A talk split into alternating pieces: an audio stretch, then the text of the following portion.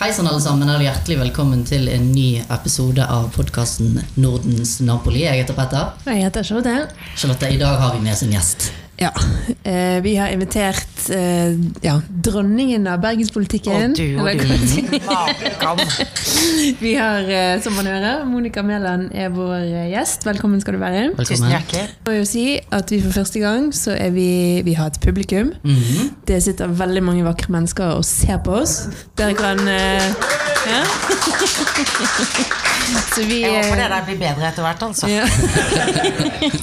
Vi har da um, Hver fredag i valgkampen så har eh, de som jobber på Høyres Hus, de rigger til, gjør det koselig. Eh, Jeg vet ikke om de lager taco, men vi har i hvert fall taco her. Eh, Og så samles alle de som har vært frivillige i valgkampen denne uken. Så um, det er veldig god stemning her, og ja, så må de høre på oss. Det må de. Og i dag har vi faktisk fått med en ordentlig gjest. Ja. Monica, du har vært sjefen over alle sjefer i veldig veldig mange år i Bergen, og nå er du det i hele Norge. Eh, Jeg er kanskje ikke sikker på om Erna ville like den beskrivelsen av jobben jeg gjør. Vi har nemlig bare én sjef i Norge, og hun heter Erna. Erna er stjerna. Veldig du er sjef over kommunene, da? Ja, det er jeg. Og det er jeg veldig glad for. Ja. Fordi Fordi det er herlig å sjefe over Kommune-Norge. Jeg ble jo opplært her i Bergen. Sjefet litt i Bergen. Ganske lite, egentlig, syns jeg sjøl. Eh, og så hadde jeg ti års opplæring, og så av gårde Kåre til hovedstaden. Eh, I hvert fall i ukedagene. Og så får jeg lov å sjefe over Kommune- og Fylkes-Norge, og det er veldig gøy. Men vi har hørt rykter om at du ikke alltid har vært like god på teleutstyr, mobiltelefoner, på Facebook, sosiale medier. Harald Viktor Hove, du har sparken. Eh, det som sies mellom rådgiver og eh, leder, det blir hos rådgiver og leder. Jeg skjønner ikke det, hva du snakker om, altså, det, det vi sikter til, at det har jo på en måte gått et rykte om at dine EDB-kunnskaper ikke er Eh, Jeg må jo bare fortelle dere at jeg i ett år var digitaliseringsminister. Oi! Det er det mange Men, som eh, syns er ganske vi, ganske det, vi, det vi har merket oss, er at du, har fått, du er på Snap Ja. ja, og på Instagram. Ja. Så det har jo skjedd noe. Det Jeg kan fortelle hva som skjedde. Det var i fjor sommer. Det var en veldig varm, fin sommer. Jeg hadde besøk av min datter, som da var tolv. Jeg har fire statssekretærer og én rådgiver. Jeg har et stort korps av medarbeidere. Men det var Mille på tolv år så fikk meg en både på Snap og på Instagram når vi lå på stranden i Oslo og sulte oss. ja. Så det var en veldig effektiv måte å bli, bli veldig digital på, da. På en måte. Ja, for Jeg fikk opp sånn notification på min telefon at Monica Mæland har lagt det til på Snapchat, og jeg ble livredd. Jeg tror ikke du var aleine. De ringte fra statsministerens kontor òg. Ja, for da tenkte jeg bare sånn Hvis noen har sett den filmen Apocalypse Now, da tenkte jeg at enten var nær. Men det var det Nille, din datter, sitt ansvar, da. Eh, ja, hjalp meg. Eh, så nå er jeg veldig jeg er på der man skal være, er ikke det, da? Og så er Kristoffer på på Facebooken min. Der får jeg ikke tilgang engang. Og så vil jeg gjerne på Twitter. Det vil ingen andre. De mener at det kan medføre at jeg skriver og gjør ting i eh, en opphetet situasjon, som det heter. Fordi jeg er jo normalt veldig harmonisk og rolig og mener ikke så veldig mye om så veldig mye. Eh, Men eh, det er noen som mener at det kan, det kan bære galt av sted. Så det, der får jeg ikke lov å være, rett du, og er, slett. du er litt på Twitter, faktisk. For det, det finnes en faktakonto om deg. Det har jeg hørt. Ja. Eh, Petter, du pleier av og til å referere til den eh, faktakontoen. Har du noen eh, Vi burde jo ha skrevet noen av de ut og hatt de foran oss. Jeg har jo ikke lest alle sammen, men jeg tror en går, går noe sånn som at eh, hvis Chuck Norris hadde vært i en kamp med Monica Mæland, så hadde Chuck Norris tapt. Ja, det, det, det. For de som måtte vite hvem Chuck Norris var. Er det noen av dere som vet det? Det er ingen. To, tre. ja. Å, ja. Ja, mange. Ja, ja, ja. Men du nevnte Harald. Fordi at Harald Viktor Hove, som er med her i salen og prøver å gjemme seg litt nå bak, han sier at han har lært å kjefte på sine rådgivere av deg. Det er altså så utrolig hva man må høre før eh, man har sagt ørene detter av. Eh, det tror jeg er helt riktig. Eh, vi- Kjefte og kjefte. Altså, det handler jo om å ha et ærlig, åpent forhold. Prøve å korrigere kursen underveis før ting blir surt. Og jeg tar det gjerne før heller enn etterpå. Eh, det har jo Harald og meg til felles, da. Men så Geir Kvile la ut en sånn her eh, morsom karikatur på Facebook forleden dag. Og Der var det et eller annet sånn nordkoreansk flagg i bakgrunnen, og så var det bilde av en dame. Eh, så, og så skriver Geir Kvile, som er da journalist i, i Bergensavisen, som har vært med i podden, han skriver noe sånt som at jeg ser tilbake med savn på den tiden da det faktisk var kontroll i denne byen her. Og jeg tror, jeg tror han siktet til deg da, Monica. Eh, det tror jeg du er rett i, for jeg har den, eh, har den tegningen på en T-skjorte som jeg mottok i julegave. En veldig varm julegave fra daværende rådgiverkorps, eh, som laget den T-skjorten. Og jeg tenkte når jeg så den tegningen til Geir Kvile, at jeg savner jaggu meg litt den tiden sjøl. Det var jo tider, det. For Det bringer oss litt videre på det neste. Du ble byrådsleder i Norges beste, viktigste by. Kanskje verdens viktigste by, hvem vet? Eh, Jo, definitivt. Ja. Verdens viktigste. Det syns jeg ikke det er noe tvil om. Men hvordan var det når du kom inn der? Du skal plutselig være sjef over flere hundre tusen innbyggere. Du kommer inn, du får nøkler på kontoret ditt, kanskje du får en sånn kvast fra Mester Grøn eller et eller annet. Hva tenker du da? Du, Petter, jeg fikk faktisk veldig mange blomster. Jeg vet at det er ikke til å tro, altså. Men eh, det hørtes ut som jeg fikk en liten sånn blomsterkvast. Fikk masse blomster, det var veldig gøy. Eh, for å være litt seriøs, det var jo kjempeskummelt. Det var kjempeskummelt å bli byrådsleder i Bergen. Men så hadde eh, Vi var et fantastisk team. Man er jo ikke aleine. Vi hadde et fantastisk team. eh, jobbet, eh, og vi hadde jobbet sammen gjennom valgkampen. Jeg fikk jo en flott ordførerkandidat. Jeg forlangte når jeg sa ja til å være byrådslederkandidat, at jeg skulle få en god ordførerkandidat. Han het Herman Friele. Hadde ikke så, unnskyld Herman, mye greie på politikk. Eh, men det var heller ikke nødvendig, eh, viste det seg. Og så var han jo mye bedre på en del politi politiske saker enn det vi fryktet og trodde. Eh, og han var jo en eneste stor suksess. Så eh, mens han eh, tok eh, i og for seg veldig mye oppmerksomhet, særlig de 100 første dagene, så fikk vi ryddet og satt i gang masse prosesser. Og ja, det var fantastisk spennende.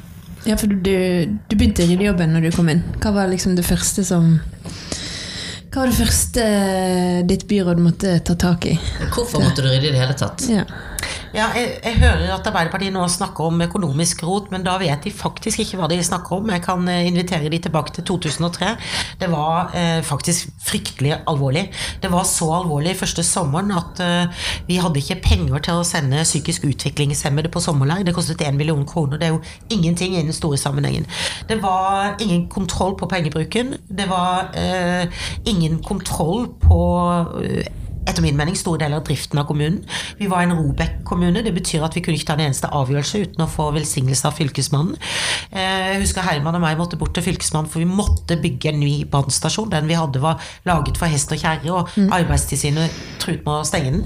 Eh, Og vi eh, måtte bort, og vi måtte tegne en helt enkel liten brannstasjon som vi skulle bygge. Nå ble det jo en helt annen brannstasjon, heldigvis for det, og heldigvis for byens del og, og brannstasjonens del. Men det var en situasjon vi var satt under eh, administrasjon. Vi hadde veldig liten handlefrihet, og jeg har sagt noen ganger at uh, budsjett er ikke noe mål i seg sjøl, men det er det viktigste redskapet vi har for å prioritere, og vi ønsket å prioritere. Så vi ryddet, vi eh, la ned bydelsstyret, vi eh, flyttet på mennesker, vi innførte reisestopp, eh, kostnadsbesparende tiltak over en lav sko. Eh, Og jeg husker jeg møtte alle lederne i Bergen kommune eh, oppe i Trollsalen, hadde invitert et møte for å fortelle om alvoret og hva vi satte i gang. Og da var det en som sa 'hva er visjonen deres?' Og da sa jeg visjonen er bare å rydde opp. Vi må få kontroll, eh, fordi vi må kunne prioritere. Og det gjorde vi. Henning Warloe var finansbyråd, gjorde en kjempejobb. Og i det hele tatt så, så var vi et team som jobbet godt. Vi var et mindretallsbyråd, men vi hadde en avtale da med Fremskrittspartiet. Så vi fikk ryddet, og vi fikk satt i verk en masse tiltak, og det fungerte. Men hvordan er det å være sjef når du må gjøre alle de mest upopulære beslutningene? Ja, det er jo krevende, eh, selvfølgelig. Eh, og du går ikke ut fra at du stiger på noe popularitetsbarometer, men igjen, vi hadde Heima Friele som var den populære, og som var eh, borgermesteren vår, og som klippet snorer og møtte opp. Og han gjorde òg en viktig jobb den gangen med å holde humøret oppe når det var som verst. Men samtidig så var det jo kjempeutfordrende. Det er jo den lederjobben jeg har lært mest av definitivt i hele livet. Og, og det som er flott, er jo at eh, folk og medarbeidere og brukere i kommunen tar deg på alvor når de skjønner at det vi vil, er byens beste. Eh, vi gjorde ikke dette for å være ond, vi gjorde det for å rydde opp. Men selv krise etter krise med så mye motbør, så stemplet avisene Høyre i Bergen som teflonhøyre. Alt prellet av. kombinert med den økonomisk veldig vanskelige situasjonen, så hadde vi faktisk mange virkelige kriser. Vi hadde Rocknes som gikk under, mange omkomne. Vi hadde raset på Hatlestad, mange omkomne. Vi hadde mange vanskelige andre situasjoner som også måtte håndteres, og som satt kommunene og kommunens ansatte ikke minst på en ganske tøff prøve. Jeg sa noen ganger at vi får aldri øvet på beredskap, for vi har så mange beredskapssituasjoner. Um, ja, andre får uh, gjøre en dom på jobben vi gjorde. Jeg er veldig glad for at vi fikk kontroll. Vi fikk en bedre eldreomsorg, vi fikk en bedre skole. Vi fikk bedre kommunale tjenester, uh, og vi fikk uh, orden på økonomien, og det er viktig. Velgernes dom var i hvert fall at du styrte uavbrutt i ti år før Erna stjal deg fra oss til Oslo. ja, og det var ti fantastisk morsomme år. Hva savner du mest, da? Det er et veldig vanskelig spørsmål. Jeg, jeg hadde verdens mest fantastiske jobb. Jeg syns det var kjempetrist å uh, slutte. Men samtidig så er det jo sånn at når du er i politikken, så søker du makt. Og det å få lov å bli invitert inn i regjering er jo en, uh, en mulighet som ikke var mulig å si nei til. Men jeg savner jo, uh, i den grad jeg savner Jeg hadde et fantastisk team, fantastiske medarbeidere. og vi hadde det veldig kjekt på jobb. og ikke minst alle de i Bergen kommune som gjorde en kjempejobb Um, så det Så en dag i 2013 så ringer Erna til deg. Mm. Hva sier hun da når du får en telefonsamtale fra Erna etter valget i 2013? Nei, Da um, sa hun at uh, nå er vi blitt enige, så nå må du uh, få deg en flybillett neste uke til Oslo. Aller helst i hemmelighet. Ja vel, sa jeg. Uh, sant å si så pleier jeg ikke ta telefonen når jeg ikke kjenner nummeret. så jeg var på butikken, jeg hadde høstferie og var på butikken, og så ringte det et skjult nummer, og så tenkte jeg nei, den tar jeg ikke. Og så tenkte jeg jo den må jeg kanskje ta. For Erna pleier egentlig å skrive tekstmeldinger. Men ja, Så da fikk jeg beskjed på om å rydde kontoret. Det gjorde jeg i hemmelighet. Eh, ryddet og fikk masse esker. Jeg hadde god hjelp av Morten Storebø, som da var min rådgiver. Så han fikk tak i esker, og så ryddet jeg på kveld og natt og satt inn på badet. Og så hadde jeg en god venn av meg som kom på besøk på kontoret en av disse dagene, og så sier han eh, 'Jeg må bare få låne toalettet ditt'. Ja, da, sa jeg. Nei da, du, det er i stykker. Det er i stykker. Så det kan du ikke låne, for da visste jeg jo at det sto masse esker. Ingen skulle vite noen ting, og eh, det, jeg tror jeg, mitt navn var et av de siste som eh, faktisk ble, ble offentlig, og det var jeg veldig fornøyd med. Det betyr jo at familien min og de nærmeste hadde holdt på en hemmelighet. Hvordan var det for, for hele familien eh, når plutselig mamma skal ikke lenger være i Bergen hele tiden, men flytte til, til Oslo? Som sånn helt objektivt sett høres ut som en helt sånn marerittsituasjon. Oslo. Jeg har hørt at noen kaller det for Stinkytown, men eh, det er jo hovedstaden vår, så du skulle være med og styre landet. Ja, Det var jo den aller vanskeligste delen av det å si ja Eh, jeg hadde en syvåring og en tolvåring, og det er klart at det å eh, prøve å forklare de at jeg skulle begynne å reise bort i ukedagene, det var veldig vanskelig. Jeg hadde jo riktignok en jobb som gjorde at jeg jobbet veldig mye, men eh, det var likevel en jobb hvor jeg var hjemme hver natt, i hvert fall, og om morgenen òg gjerne, og aller helst innom på ettermiddagen. Så det var det aller vanskeligste. Det som gjorde at jeg overlevde, og at de overlevde, det tror jeg var at vi egentlig bestemte oss for at alle skulle flytte til Oslo. Vi måtte bare få ferdig skoleåret først. Sånn at i begynnelsen, så, selv om det var fryktelig vondt, og, og jeg vet at min yngste sa at hun hadde det veldig vondt mange ganger, uh, så uh, overlevde vi fordi at vi visste at om noen måneder så skal vi alle bo i Oslo. Og så kom jeg til Oslo, og så skjønte jeg at en næringsminister og en ansvarlig for handelspolitikk bl.a. reiser hele tiden. Jeg har Ved siden av meg i sengen har jeg en koffert. Jeg vet at Kristoffer, min rådgiver, syns det høres veldig ubehagelig ut, men det er nå en koffert som bare står der, for den pakker jeg opp og ned og opp og ned. Og tanken på å skulle eh, tilby to barn, mann og en hund eh, å være i Oslo mens jeg reiste Norge og verden rundt, det var egentlig en veldig uaktuell situasjon, og det skjønte vi eh, etter en stund. Og jeg er fryktelig glad for at de endte opp med å bli i Bergen. At de har sitt liv og sin, ja, sine aktiviteter her i byen. Og jeg har fått lov å reise hjem og forlate Oslo. Det er mye bra med Oslo, men det er veldig bra å forlate Oslo òg fredag ettermiddag. Eh, og få lov å komme hjem og være hjemme. Og da har jeg prioritert det veldig, veldig sterkt. Hva, hva sak er det du jobber med nå, da? Altså, nå har vi snakket mye om det som har skjedd, da. Men nå fremover i regjering, er det noe, Nå er det jo valgkamp og alt som ruller og går, men eh, hva står på din eh, Skal du slå sammen flere kommuner? Absolutt. Hva- Det er min plan. Eh, vi har Overraskende eh, lite applaus i salen. Altså. Jeg har jo hatt fire, over fire år som næringsminister med en oljekrise med en ganske dramatisk situasjon, eh, hvor vi satte i verk masse ting.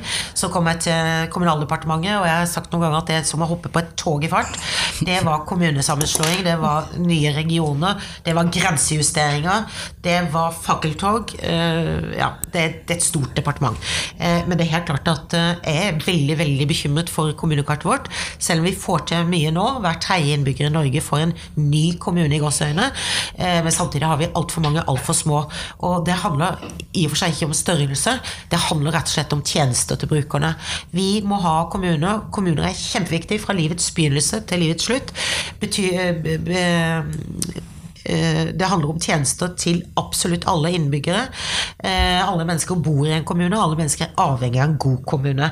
Og vårt system er jo basert på at enten du har 1000 innbyggere eller 700 000 innbyggere, så skal du kunne tilby de samme gode tjenestene, og det greier ikke kommunene våre i dag. Så jeg ønsker jo å flytte flere oppgaver fra staten til kommunene, men da må vi ha kommuner som er robuste nok til å kunne yte de tjenestene. Eh, Og da er det bekymringsfullt at vi vet at eh, barnevernstjenesten eh, ikke er god nok i store deler av landet. Vi vet at uh, man mangler uh, psykologer, ingeniører og jurister. Uh, Veldig mange fagområder som er veldig viktige for innbyggerne våre. Jeg er enig. Takk, Petter. Men hvordan ser dagen ut? Altså, du sier at du reiser hele tiden. Nå er du kommunalminister, du reiser fortsatt da ganske, ganske mye. Men du, hvordan ser en dag ut? Du Ja, det ser jo ikke ut, sant å si. Nei. nei, eh, nei det, det kommer helt an på. Jeg reiser fortsatt mye, men ikke så mye som da jeg var næringsminister. Det er rett og slett fordi jeg veldig ofte har saker i regjering og storting. Eh, Det er et stort departement som eh, blander seg inn i alle andre departementers saker på en rekke områder. Alt Kunnskapsdepartementet gjør, handler jo veldig ofte om kommunene. Helsedepartementets saker handler om kommunene eh, i det hele tatt. Eh, Så, eh, så jeg reiser litt mindre, og nå hovedsakelig i Norge. Jeg tror jeg har hatt to veldig korte utenlandsturer. En til Island og en til Danmark etter jeg ble kommunalminister. Skal du òg kjøpe Grønland? Jeg skal absolutt ikke kjøpe Grønland. Eh, eh, eh, så, så jeg har flere saker i Stortinget og i regjering. Det betyr oftere møter i Oslo. Men fortsatt så reiser jeg veldig mye rundt, og det er en viktig del av jobben min. Det å møte innbyggere og lokalpolitikere. og ja, i dag har jeg vært i Nye Øygarden og hørt om hvordan de jobber med både integrering og barnevern. Eh, masse spennende ting som skjer. Eh, og det er viktig for meg å, å høre om og se. Har du sånn det beste med å være byrådsleder i Bergen, det verste, og det samme med, med å være statsråd?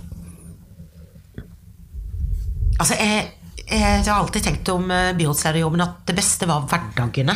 Det å gå på jobb, gjøre en jobb og føle at du gjorde noe som var viktig, det, det var det beste. Gode medarbeidere. Um, ofte så, så guidet jeg skoleklasser og til og med barnehager i gamle rådhus for å fortelle litt om demokratiet. Og, og ja, altså være på jobb, rett og slett. Gjøre en, gjøre en jobb. Eh, Det verste med å være byrådsleder, det er alt du ikke leser i avisen, og all den tiden du ikke bruker på møter, men på eh, rett og slett eh, mennesker. Et byråd består av ulike partier, ulike eh, Ja, det er jo eh, Du må bruke mye tid på å lime teamet sammen, på å få det til å fungere. Eh, Og jeg vil egentlig ikke si det, det verste heller, men det tar mye tid, det er krevende. Eh, Og det må man være veldig oppmerksom på, Harald. Nå hører du ikke etter. Det burde du ha gjort. Nå fikk du et kjempegodt råd, og du gikk glipp av det. Men det er jo greit. Nå får du snart sparken for ikke, syvende eller åttende gang i dag. Ja, jeg har fått sparken i mange år. Men jeg tenkte jeg skulle spørre deg litt sånn Du står jo ikke på valg i år. Men eh, til oss som eh, står på listen, og kanskje ja, til Harald som sitter og Gjør Sitter der annet. bak og gjør noe helt annet. Så, så altså, hva er liksom ditt eh, råd til oss inn i denne valgkampen? I valgkampen. Ja, nå? Eller nå vi- handler det bare om å stå på, gjøre sitt aller beste. Vi skal alle være helt utslitt 9.9., og så jobbe, jobbe sammen. Eh, politikk er ikke noe soloutspill. politikk er teamarbeid, og det har jeg alltid ment at det viktigste er at vi som team, som organisasjon, greier å jobbe sammen, gjøre hverandre gode, snakke godt om hverandre og snakke om vår politikk. Og det får jeg veldig ofte tilbakemelding om. eh, At folk syns det er veldig bra at vi snakker om vår politikk. Vi trenger ikke rakke ned på andre. Vi kan ta en real debatt med andre, men vi kan snakke om vår politikk, våre forslag og våre løsninger. Det tror jeg velgerne vil ha. Og jeg møter også veldig mange som er usikre, og da handler det jo om å, å, å eh, overbevise om at saker de er opptatt av, det har vi svaret på. Men Monica, vi skal etter hvert gå, gå inn for landing, men vi er nødt til å ta opp dette her med at eh, du har et rykte på deg for å være, være veldig streng. Jeg kan ikke skjønne det.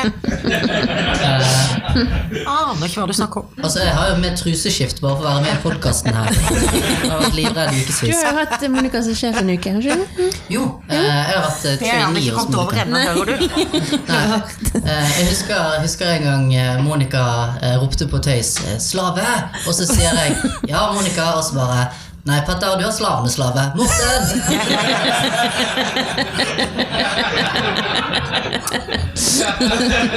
Jeg er glad dere har så veldig gode, varme minner fra tiden, tiden med meg.